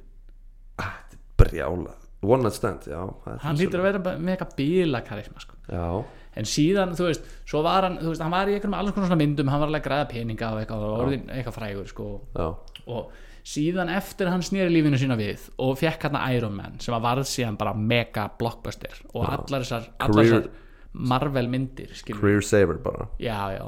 hann er bara orðin superstar, skilur, Já. hann talar um það, að hann, hann þú veist, hann nennir ekkert lengur að taka þátt í eitthvað svona arthouse project, sko Nei, og hérna og, og hérna og hann sem sagt þetta hérna, hlýtur líka að vera svo auðvelt fyrir hann já, já, bara það- þægilegt, hann bara mætir segir tvær línur, fer í fellísið Já, þú veist, ímynda líka, þú veist, hann var eiginlega typecastaðar að leika sjálfa sig sem skilur, sem Tony Stark Já. hann þurfti bara svona pínu eitt útgáð sjálfa sér í tíu ár og miljardar já, já, já, já, basically sko og hérna Uh, önnur stormin sem að leki var líka Sherlock Holmes eftir hann að snúa lífinu sinu Já, stemningsmynd já geggja myndi skilur við. þetta er svona típisk mynd, svona, maður er að fara svo skelleinn á Sherlock Holmes Já, Jude Law já, bara solid Jude Law, eitthvað svona hjartagnúsara mynd Já, með móttuna og ógeðslega nett svona slow motion atrið þar sem hann er eitthvað svona að ímyndi segja hvernig hann ætla að lemja eitthvað og þú veist, þetta er bara gæðvegt Stemning þetta er bara, maður er alltaf jafn glæður þegar maður horfir á þetta en allan það er eitthvað atrið, þú veist, eins og mikið af þessum atrið, þú veist, það var allt eitthvað svona, þú veist draslutum allt, þau voru búin að lemja eitthvað fullt að liði skilur, þú veist, eins og þeir í Sherlock Holmes skilur Já. og fullt að leikmunum út um allt og gínur og eitthvað bla bla bla og Robert Downey er eitthvað röldum gólfið, þetta er svona milli shots, skilur, milli taka fannst eitthvað fyndið, þú veist, að því voru svona fullt að gínu með svona silikon hendur og eitthvað svona, ef þú stegst á svona, þú veist, það svona blés út, skilur, þú veist, Já. parturinn, þú veist, eins og þú ert með svona stressbolta Já, eitthvað já, þannig já, já. og honum fannst eitthvað fokki fyndi að trampa þú veist á hendunar skilur það, hún stækkuð svona puttarnir Já. nema svo bara er bara ein hendi bara á gólinu og hann bara neglir á eina hendina og hann bara "Ah!" og þetta er hendin á mér það var bara einhver leikari skilur sem lág á gólfinu í öllu draslinu skilur í allir hrúinu bara einhver svona auka leikari skilur og bara þrumaði fætur á hendur og hann bara fuck, sorry maður og hann var eitthvað, þetta var í eitthvað svona sára umbúðir og eitthvað þegar hann var eitthvað fokk að það og ég pæli hvað þetta fyndi bara svona auka leikarinn er hann bara liggur svona þykist þar döður og bara, "Ah, hann er Robert Downey Jr. Ah, hann er bara, ah, hann er rétt við liðan ekki reyðu sig, ekki reyðu sig og þú bara kemur hann og bara stopp bara hendur það er bara, hversu mikið myndi fucking bræða þú er reyna að halda kúlinu og hann bara, mm, þú veist, mökka þig neglir, Það er fokkin- neglir að hendina fokkin fyndi en hérna, já eins og ég segi þá hérna var hann var hann hérna hon- honum finnst þetta arthouse bíómyndadæmi það er bara er ekki lengur fyrir Nei, hann sko, nei. þú veist, hann bara af hverju ætti ég að standa í því, sko. Já. Þú veist, það er bara miklu verið borgað það er fokkin þú veist það er að vinna allan fokkin daginn og það er alltaf eitthvað, uh, erðu, að hérna við erum ekki með ljós, ekki það ekki þú eitthvað sem á hérna ljós þú veist og það er alltaf eitthvað svona skítamix og rettingar hann bara erðu, ég f- mæti frekar bara sem Tony Stark og f- Og fer fær hlæja- og fer hlæjandi í bankan sko já, já, nákvæmlega og bara og það er bara góða snittur þú veist í matnum og artásmyndina líka eru ekkit endilega góðar að þú Nei, veist, alltaf nei, og hann- sumar Ha- hann sagði bara artásmyndir eru bara fyrir unga leikara sko. já, það er ekki fyrir fólk eins og hann Eins og skilur hann, sem er bara búin að sjá þetta allt sko. já, búin að fara í steinin og búin að gera ýmslegt já, nema það er ein geggjubjómynd sem heitir Zodiac Já Sem að- Zodiac Killer Zodiac Killer Já, já sem að fjallar um sem sagt morðingja sem að náðist aldrei Já. og svona cold case sem að he- með- hefur eiginlega verið óleist Jake Gyllenhaal, já, Jake Gyllenhaal Emmett eh, og Robert Downey Jr. Já, Emmett Frækt Eh. og flott hlutverk Já, flott hlutverk sem hérna rítstjóri San Francisco Chronicle Já, Af sem því voru að þeir fá bref frá voru að fá brefin frá Zodiac Killer Já, og þessi bíómyndir, hún er leikstýrð af David Fincher já Sem er svakalegu leiksturi sem er svakaðu Gerði leikstýrð Fight Club Gerði Fight Club hann er alveg notorious fyrir að vilja að taka upp hvert skot miljónsinnum sko. Já, já, hann hefur farið upp í 90 tökur einu skoti Já, bara. bara einu skoti sem að er bara eitthvað tíu sekundur eitthvað fáralegt skilur og hérna og þetta er svona in the age of digital myndaðalar er að koma inn sko Já. þú veist við erum að tala um að, að það er ekkit langt síðan að digital myndaðalar fór að taka við filmuvélum í Hollywood sko Nei, það er bara mjög stutt já, sér Já, bara eh, einhver- 2010 sko þú veist eitthvað svoleiðis sko. Já, fyrsta lagi sko og þetta, þessi mynd kemur held í 2011 2012 eitthvað svoleiðis okay. og, hérna, og þetta er að því leiti sem að digital myndalega er orðan og góðar þannig að hann var bara að púla og þú veist og honum fann sko geggja að geta tekið upp hvert atrið frá svo mörgum sjónarhóndum skilur að því að voru, þú veist öll eftirvinnsla varðan náttúrulega miklu auðveldari með digital myndalega Já, og líka bara kostnaður en þú veist per mínútu af að rúla kamerunni er minni já, já, já, algjörlega og hérna, þannig að, að hérna að þú veist, þeir voru, hann var að púla fólki út og, og taka upp, þú veist, öll skotaleg miljónsunum og Robert Downey Jr. var að verða gjössanlega brjálæður hann fekk aldrei pásu, þú veist, til að fara í fellísið og bara Fá eitthvað sér snituna fá sér snittur, Já. pulsu og var að vinna í 16 tíma á dag og eitthvað, var alveg brjálæður og hann að hann mótmælti í svona löngum vinnudöfum með því að fara að pissa í svona glerkrukkur skilur bara svona sultukrukkur eða svona já, mason já, jars eða þannig og voru að skilja eftir svona opnar glerkrukkur með hlandi út um allt settið það var svona silent protest af gæð löngum vinnudöfum Já, að því að hann bara, hann var að vera brjálar að því að vinna með David Fincher og hann bara gaf ekki neitt eftir hann bara, þetta er bara fárlegt og hann bara fór að pissa í fylgta glerkrökkum og setja í Ja. fylgta glerkrökkum með hlandi út um allt sett fóru bara út í búð og kefti kassa af mason jars eða Já, ok, þú veist, ég, geðvikt ég veit ekki, þú veist, hann var bara hérna, brjálar en hérna Robert Downey Jr Hjartagnúsar Robert Downey Jr sem Já. er Iron Man hann var í Saturday Night Live crewinu í eitt season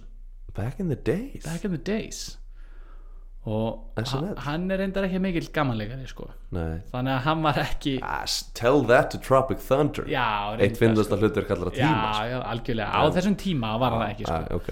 og hérna, hann var ekki kallað tilbaka nei en sturlu staðarind að Robert Downey Jr. er eini Saturday Night Live leikarinn sem hefur verið tilnæmdu til Óskarsveluna Hmm, mm. fyrir besta leiki aðalhutverki ok og hann fekk þá tilnæmningu þegar hann leik Charlie Chaplin í kaupmyndinni Chaplin já, Hún- var Chaplin. fjallar um sem sagt bara feril og ævi Charlie Chaplin basically já, og hann vann ekki Óskarinn en hann fór það vel með hlutverkið að Elisabeth Englandsdrottning hún gaf honum the royal stamp of approval fyrir tólkun sína á Charlie Chaplin ú, það er geggjað stimpill það er góðu stimpill til að eiga the royal, hvað sagður stampill royal stamp of approval fær hann stimpilinn eða Ja, er þú þetta veist, bara eitthvað svona Ah. eh, bref eh, þetta er bara svona eitthvað eitthvað svona bref, skiljum þú veist, við erum að tala um þú veist, þetta er eitthvað svona, þetta er svona tvö ljón og eitthvað, þetta er svona skjaldamerki, þú veist Já. svona, og þetta er eitthvað svona royal stamp of approval S- fær- já, stimplar eitthvað á- fyrir þig já, bara drottningi var sátt með þetta, já, skiljum hún var, hún peppaði þetta peppaði hún þetta var ána með þetta já, næs, næs þú veist hvernig er það, var hún bara að horfa á myndin og hún bara, heyrðu, stoppar já, heyrðu, ég er bara mjög ána með þetta já sendum honum, Go get the royal stamp of approval Já. We need to stamp this actor og svo bara og svo bara senda honum bref Send this to Robert Downey Jr. Hefur ekki verið svona Hefur ekki verið svona peppu síðan Citizen Kane, skilur Já, já, Hún er búin að vera, þú veist, hva, hvaða mynd er næst? já, já, Jurassic Park 7 Já, já, Avengers 2 nei, hérna, Avatar 2 Avatar 2 James Cameron did it again. Go get the Royal, Royal stamp, stamp. of approval það er tvo gauðra svona með likla bara er tilbúin Stimpið til liggur hann í, blek, í blekinu bara Tilbúin já, já bara þegar þurfa þurfa að vera svona gleru og svona Já, þetta er Shit. geðveikt Þetta er geðveikt já, Ok, það er stemning að fá þennan stimpil sko. já, það er ekki slæmt að fá þennan stimpil sko Já en þetta voru alla sögurnar Sýtturinn titturinn sko Ég hérna uh, Ég sko Ég er með, ég er með nokkra hugmyndir sko já, um, viltu fá recap Já, fyrst eða? er eitthvað hvernig, minningi? hvernig fannst þér þetta? Númer eitt, sko, Sko. við þurfum ekki, við þurfum það er enginn að flýta sér Þetta var rússipanna þetta Ég myndi segja að það var eitthvað mjög gott flow Það var eins og þú hefðir eftir heima já, Það var gott það eitthvað með, gæti verið að hafi aðeins mig sko Nei, þetta, var, þetta var skemmtilegt, þetta var rollercoaster Þú fórst vel með þungusögunar og vel með letusögunar Og ég var bara Þetta var það mikill rússipanni að þið náttúrulega sjá okkur ekki og við erum bara eins og að vera í útarpiðin ég var með hendunar uppi stundum þegar þú varst að segja söguna bara eins og ég væri að leiðinu niður brekkuna bara, wow, bara það var störtlað sko Cobra of ekki særi hérna, þannig að komið báðar hendur á nakkan þú endaði líka skilur, þú byrjar á því Robert, þetta er, þetta er, sem, þetta er endurinn á fyrstu sögunni, ég ætla að kóta þig já og það komu hluti fyrir hann í fangilsinu sem Robert talar ekki um og maður er bara þungur, já, endurinn á seinustu sögunni Englands drottning reif upp stamp of approval, stimplaði kallinn bara wow! skilur maður er bara aftur komin upp í, í rollercoaster, þannig að þú veist þe- þetta, ef þetta var ekki rollercoaster up það sjó hérna, já, já, þetta var ótrúlega og, Krakka og, mínir. og Robert Downey Jr. er ótrúlega kall Já, og bara geggjað. komin á þennan stað skilur, já. hann er bara búin að vera alveg etru síðan 2003 já og bara, hann er bara making the monies sko. ég held að þurfi ekkert að leiki í fleiri bíómið Nei. eftir Endgame sko. Þetta er geðugu þáttur uh, Ég væri til í recap uh, Ég held að áður en ég fer að velta pælingunum mínum í gang sko, Þá þarf ég eiginlega að fá recap sko. já, já, já, við fáum, fáum, fáum ríkjöpið sko. og hérna sko, þetta er nú ekki saga en ég vil fá minna á þetta fakt sko, að að fyrir Iron Man 1 þá fekk hann bara 500.000 dollara sem eru 63 miljónir Já. en fyrir Avengers Endgame 10 myndum síðar og bara búin að spinna allt Marvel Universe 20 myndum síðar 20 kveikmyndum síðar Já. þá fekk hann 75 miljón dollara sem eru 10 miljardar Holy shit Ég, þú varst alveg af þungur bara, og eins og áðan ég er bara að pæla hvort að ég geti sendt e-mail og Robert og hvort hann er til að kaupa eina kippu á bjórhustan bara eina kippa gull þú er sattur, Robert, ef þetta hlusta bara eina stellu hérna var næs bara í gleri Já, í gleri, já, þú veist, ef hann tímir ekki glera má vera dós, skilur, en bara Já. gler var næs það er geðveikt, sko. Ok, en já, ég, ég byrjaði að reykja ferilnans já, og hérna 96 var mjög slemt ár Sean Penn og Dennis Quaid senda hann í enga flugil í Ríapsendir já, sem hann braust út þremmu dögum setna já. setna var hann stoppaður á Sunset Boulevard nakin undir áhrifum eitulega og að reyna að henda rottum út úr bílnum sem að voru ekki í bílnum já, en hann náði að tala sig út úr því að fá sekt já, ótrúlega svo setna sama ára þá var hann settur í játn sko. þá var hann með heroin, kokain og skambisu já, og, hérna, og þrem vögum eftir það þá ráfaði hann inn í hús hjá nágrannum klætti svo fötunum og, og fór upp í rúm hjá 11 ára strák sem átti heimaður og sopnaði en það var enginn í húsinu nei, sko. nei, nei, nei, nei, nei. og hérna en uh, svo vaknaði hann bara þegar var verið að setja hann í játn sko. Já, og hérna uh, hann, var, hann var endar ekki kærður fyrir þetta sko. þau Nei. fyrirgáðu þetta sko. þau, Já. þetta voru nágrann, þau reyndar þekktist ekki neitt sko, en Nei. þau bara eitthvað, já, já, hann var bara greinlega bara out of it sko. hver hefur ekki tekið svolítið eitthilif og labbað henni í herbyggju allir var að grakka og sopna farið óvart í, inn hjá nágrannanum já. Þetta er rúmið mitt hérna, rimlarúmið já, okay. uh, eftir þetta þá, þá var hann sendur í hjápp sem hann slapp út fjórundu og setna Mm. en síðan náði löggan honum þá og þá var hann sendur í steinin sko. Þannig að þetta er eitt sag, söguböndul já, þetta er eitt bandul sko. Þannig að við erum að tala um bara eh, svona Ríha þetta er bara 1996 sko. Það viljum að kalla þessa sögu 96 96 Ok, vá, bilaðar síðan eh, fórum við beint inn í hérna, ömmusöguna það sem að var snemma á, 9. ár, á, á fyrir 96 Já, sko. Það var hann með- sköplungur já, með Sören Jessica Parker í, í grillveislu í ACLU uh, og þar var, hérna, hann var í svona kremum jakkafötum, þar var gömul kona sem að náða dundra sköplungnum á sér í, í svona hjólastólaramp þannig að hann skarst upp og spýtist blóðum allt og hann tók stjórn á, á aðstæðum batt um sárið og hringdi á sjúkrabíl og, og, hérna, og meðan að- að hérna, hafa verið að skullin í sjúkrabílinu þá var hann bara að daðra við hann að segja hann að hún væri bara brjóti honum hjarta með því að fara svona snemm úr veslunni þegar þú væri loksins að kynnast og svo þegar það var verið að loka sjúkrabílum þá kallaði hann á eftir henni Don't forget to call me Sylvia, we'll, we'll do lunch Já, shit, smooth motherfucker Já. svo eftir það þá fórum við inn í hérna, Burger King söguna Já, herru, bara þegar ég var að segja smooth motherfucker Það ég, ég sá hérna á Instagram um daginn Þá var einhver sem sagði hérna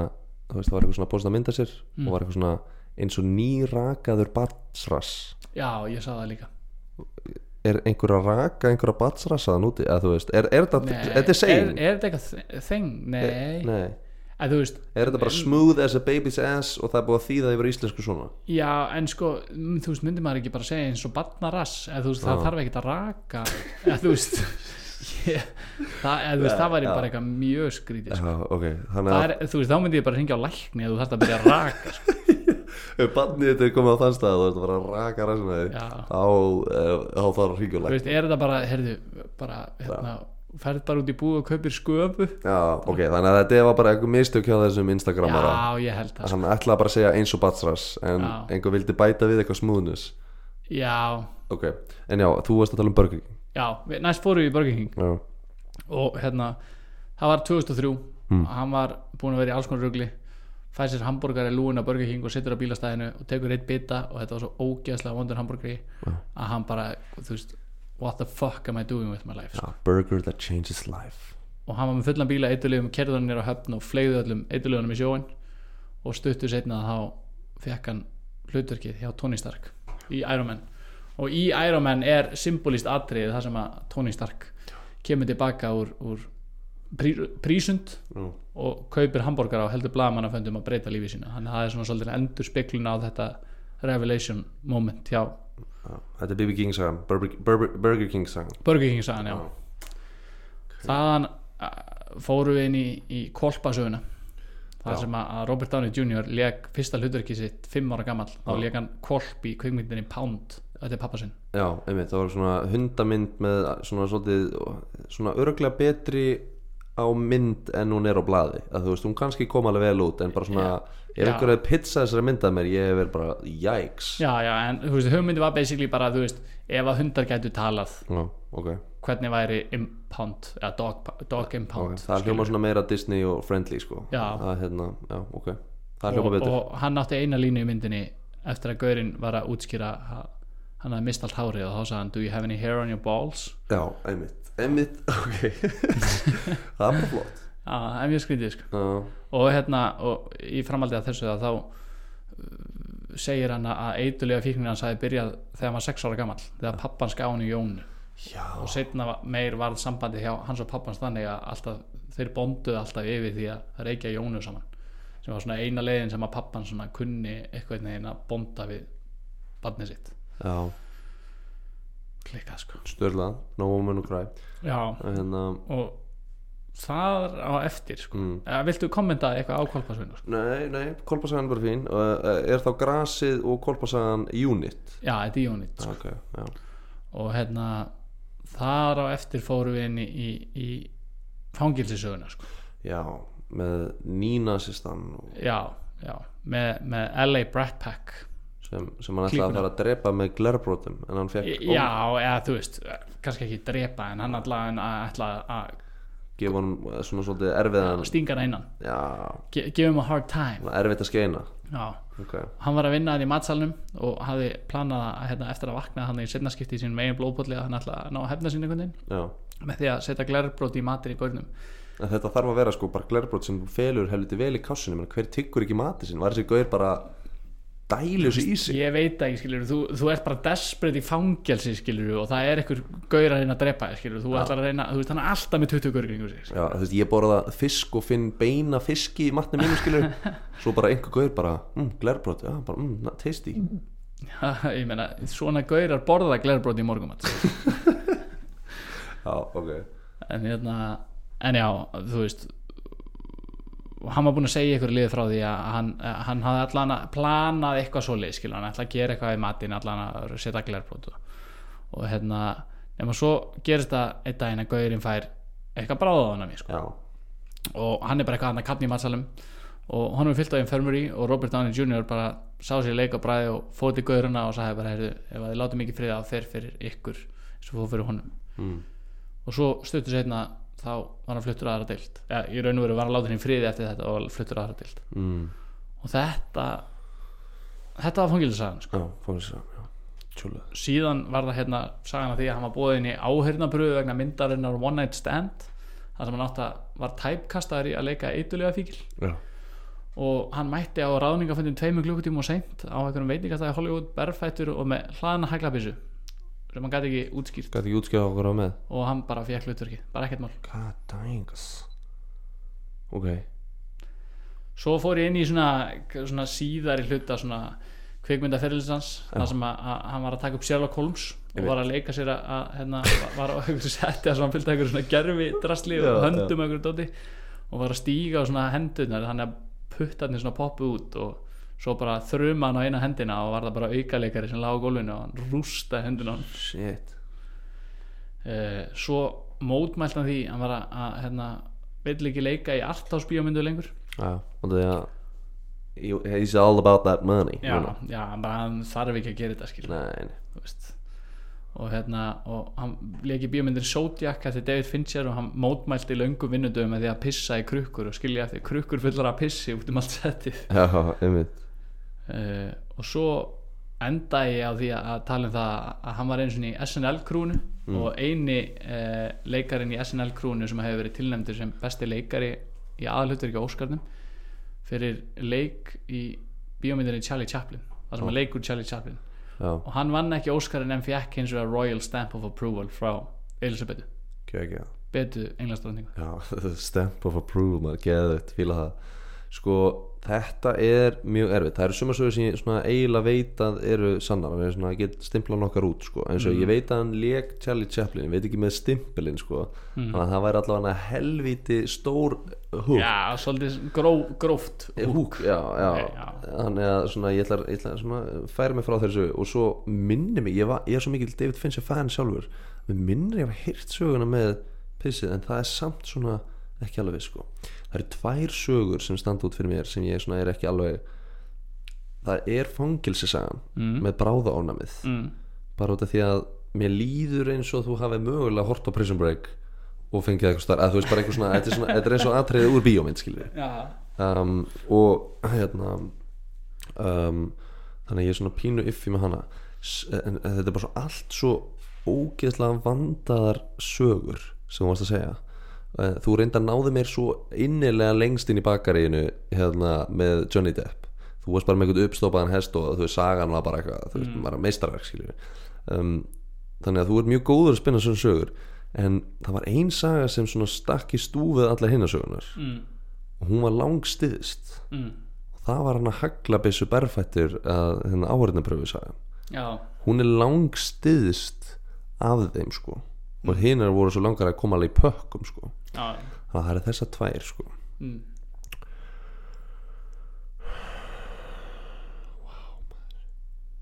ég vona þú veist það var tjúlega comeback að ná sér rétt já, um, ég ætla að segja haglara söguna hún, hún er bara svo ólík hún er svo miklu stittir en hinnar sögunar mm, að ég held ég hún sko- er kombobreykir Já, hún er kombobreykir því að hinnar eru langarfallegar þó að þú tó- sp- varst að spinna langarfallega sögu sko seinast mm, með, með Johnny Depp sko já, já, En- en ég er svona út af því að mér finnst þú stingist þú við hinnar söguna þá ætla ég að kjósa það. og kýst hana heyrðu, haglabissursagan Arnar þegar maður bóðin í áhörnapröfu Mm, og átt að leika ytterlega fíkil mm. sem var typecasting við vorum báðið sammála um það Já, bíómynd, já, í One Night Stand já, hann mætti á Ekki fund- fyrsta sinn sem einhver eitilefíkil hefur verið kastaðar eitilefíkil Nei. Samuel L. Jackson já, já, ekki fyrst skipti sko. hann mætti fundin tveimur tíma og sein berfætti með hlaðin hagla, haglara sem hann gæti ekki útskýrt af hvernig hann var með og fekk hluturki Já. þetta er sönnsaga Nja, nei, það er ekki Það er ekki fokkin, fokkin fræðilegur Þú veist hvað í fokkanum Hvað í fokkanum Sorry hvað ég er að fok- að segja mikið fokk maður En hverju varst að ljúga að mér Helvítið þitt Og því að allar hinnar sögurina eru rítgerð sko já heyrðu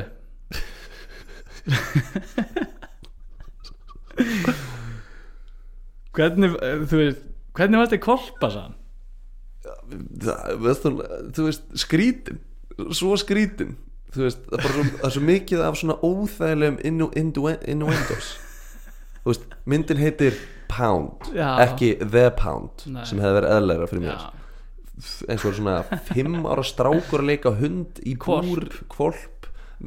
í blandi fullt af öðrum kallmennum í einhverju búri og, og hann fer eitthvað inn í eitthvað bíl eða eitthvað og, og eina sem hann segir við hann hvort það sé með hár á pungnum þetta er skrítið, sko. það er enginn að segja með þetta sé ekki skrítið þetta er skrítið sko já, en þetta er satt já, já það hlaut að vera skilji ef þú hefur komið þetta þá hefur- hefði ég farið Það hefur verið off þá hefði ég bara verið að skoða geðhilsuna þína, sko. Nei, herðu, sagan sem er 100% bull já, gott með hana, gott með hana Þú varst heitur var ég heitir? Það var fangilsisann Nei! Jú, maður Jú, maður Í alvöru Já. Vá, vel gert Það var fangilsisann Var heit Ú, ég Hann, Það sem er satt í þeirri sögu Já, Það eru það eru svona Það, það er, það er tvent Það er, það er, það er, það er hvað, sem, hvað á maður að segja, takmarkaða sannleikur ok, En sagan er bull ok Og það er eitt hindi henni sko. Hver, Hvað hann, var ég að missa? hann vaknaði tvisar í sínum eigin blóðpolli mm. Það er fakt sko. Það er fakt og, hérna, Það er sovandi og hann var að vinna í matsal í Ok. fangilsi Það er líka fakt að skrúpa pizzabönnur fyrir 70 cent á klukkutíman 70? Já. Það er 10 Það er bara fullt af Það er launahækkum með það sem þú sagði ráðan Þú það sagði er 7 7, já nei 70 70 Já, cent ok klukkutíman hérna en allt hitt var bull og klúið sem ég sett í söguna var að gengi hétt LA Brat Pack en Robert Downey Jr. var í hóp af svona vandrar gemsum í 80s tímambilinu í LA sem hétt The Brat Pack Já, hini leikarinn sem voru í rugglinni já Já sem voru, þú veist, þessi gaurar Charlie Sheen og hann og Sean Penn og þessi gaurar, þeir voru í The Brat Pack Það er tjúla hint Þannig Það að er if you tjúlla know, hint. you know If you know, you know Já, vel gert og hérna og eftir sko hann var eftir einhverja bíómynd sko, sem að var svona, ég held að hefði verið eftir þessa One Night Stand mynd sko Já, þegar hann ákvað svona, heyrðu, ég, er komið, ég er hann þreyttur á þessu typecasting dæmi, hann að hann ákvaða að jarða öll fötin sín sem að voru svona Brat Pack tímabili sem var svona 90s vandraða gemsi, þú veist, eitthvað svona svona Ég- grísleði jakkin já, eitthvað þannig Jarðaði hann dæmi. já, já, bara í garðinum heima á sér, bara grófstóru hólu bara hendi öllu draslinu og bara mokaði yfir og, Ripnu bara, gallaböksunar og byrjaði bara nýjan, þú veist, fó bara og kefti sér bara nýfæ bara hatarabúningurum beint í grifina beint í grifina og bara steipið við þetta drast Já, einmitt, og hann var mikið að steipa Hvað er að steipa? hann var hvað er það steipa maður En já maður, vá Ég, ég eiginlega er hissa að ég hafi verið nálægt Því að sko Ég held uh, alveg 100% meira að Haglabessasagan væri bull en fangisagan já, Þú veist, fangisagan var iffi bara út af því að ég tók Prison Break Marathon nýlega sko, ég hugsaði bara svona, það er einhver parallel saman sko.